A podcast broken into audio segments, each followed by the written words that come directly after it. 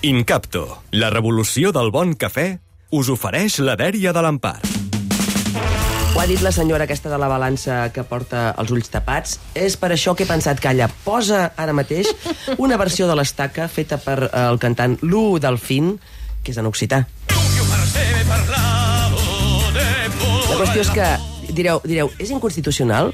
És que s'hi parlava eh, eh, en, en els plens municipals?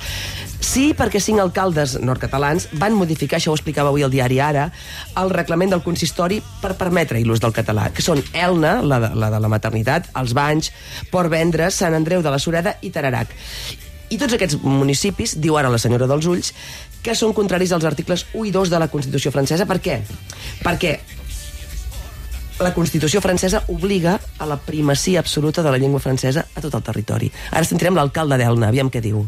Nosaltres irem en recurs d'apel·lació i fins a la Cora Europea dels Drets de l'Home, però que es guanyi o que es perdi, la porta és oberta igual, perquè ja sóc segur que altres municipis a les regions que tenen una cultura i una llengua que volen fer viure, ho faran, ho tornaran a fer, i obligatòriament aquest debat arribarà al Parlament Nacional.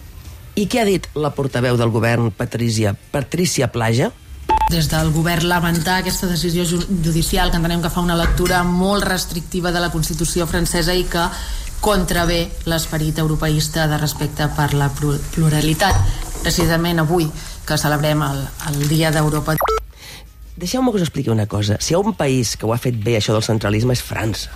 Són eficaços, eficaços. I la prova n'és el miracle de l'Orde. L'Orde és el nom en occità de Lourdes, de, de la Verge de Lourdes.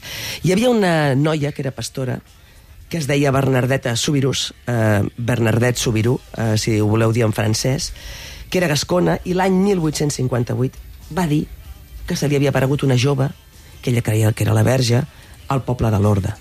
Les autoritats eclesiàstiques van fer allò que es fa, li van preguntar eh, per saber si era veritat o s'ho inventava, què li havia dit aquella jove i en quina llengua li havia parlat. Ella va dir, en la llengua de l'orde. I ells li van contestar, com és possible? La Mare de Déu només pot parlar llatí o francès. La noia va dir que si hagués estat així ho hagués entès poc, i avui, al peu de la imatge de la Verge, hi ha una llegenda que diu Immaculada Concepció, que és en occità.